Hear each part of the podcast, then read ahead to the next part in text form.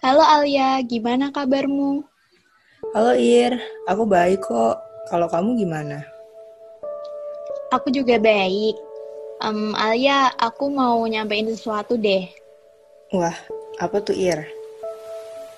Aku mau nyampein ke kamu, terima kasih ya udah berjuang akhir-akhir ini. Semoga apa yang udah kamu lakuin selama ini akan terbayarkan suatu hari nanti.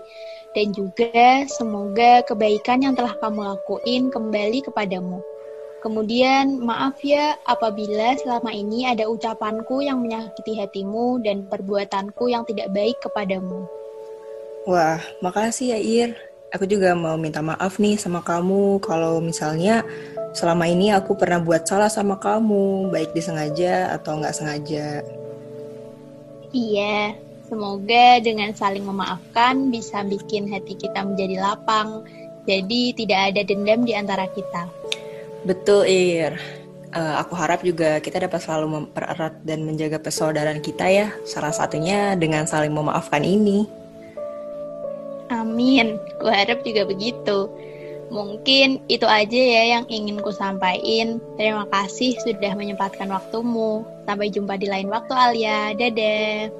Oke Irma, makasih juga. Dadah.